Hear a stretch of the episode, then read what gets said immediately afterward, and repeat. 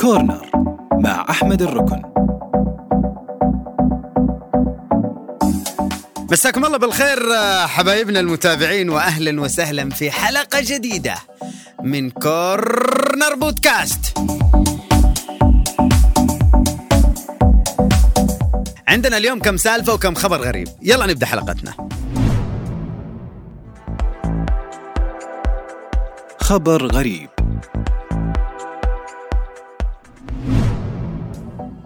في دراسة أمريكية انتشرت اليومين تقول إنه كل ما زادت تكاليف حفلات الزفاف زادت حالات الطلاق.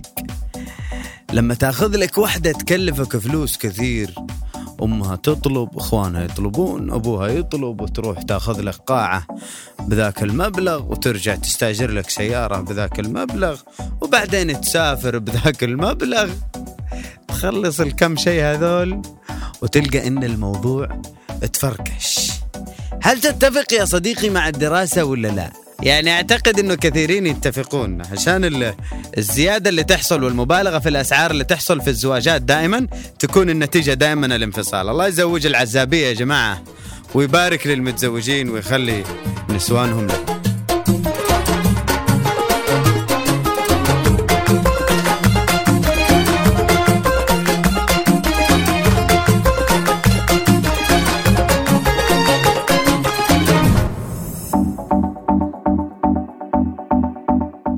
أما هنا في الموضوع جميل جدا. يقول لك يا حبيبي إنه إنفاق المال على الآخرين يخليك أكثر سعادة من إنك تنفق الفلوس على نفسك.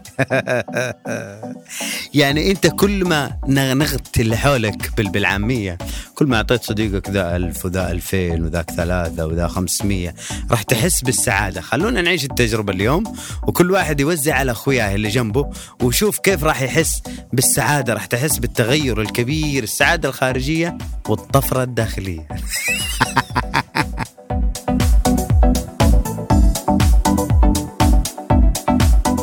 أما في الخبر الغريب حياتك أغيرها لك بالكامل. هذه شركات كثيرة في اليابان يستثمرون ويشتغلون في هالمجال. اسمها الحالة المنتشرة في اليابان جوهاتسو.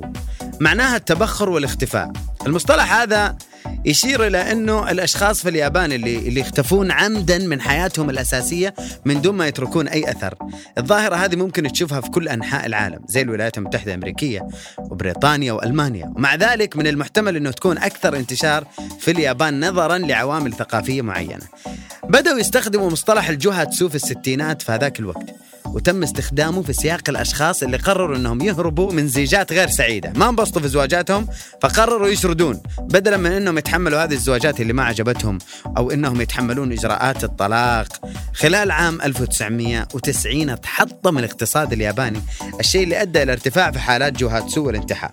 أغلب الحالات كانت إنهم فقدوا وظائفهم أو بسبب الديون المتراكمة، كل اللي عليهم يروحون لهذه الشركة وهذه الشركة تجدد حياتهم بالكامل.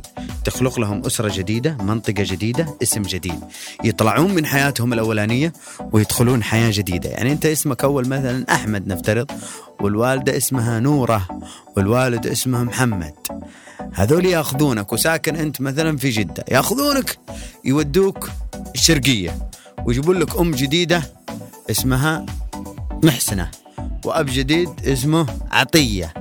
وانت يصير اسمك لؤي. يغيرون لك كل حاجة. هذا شغل الشركة هذه اللي عاملة شغل جبار واستثمار مش طبيعي في اليابان.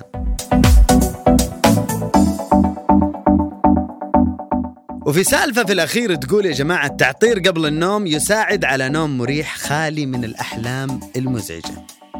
في رجال في الكونغو حب له بنت عندها ثنتين خوات توأم. حبها بعدين حبها بعدين حبها بعدين تزوج اخواتها التوأم صار عنده من هذه البنت ثلاث نسخ. سألوه ليش؟ قال أنا من كثر ما أحبها ما تكفيني هي بس لازم يكون عندي أشباه. هذه إذا رقدت صحت ذي وهذه إذا رقدت صحت هذيك. يعني ما يبغاها تغيب عن عيونه أبدا. الله يبارك لك حبيبي. منهم المال ومنهم العيال. وأنت والله يا سيد الرجال.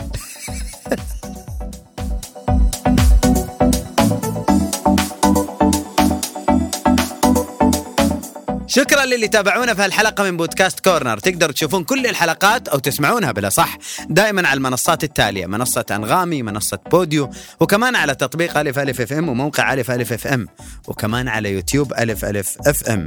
نشوفكم في الحلقات الجاية. أقصد تسمعونا في الحلقات الجاية. bye bye bye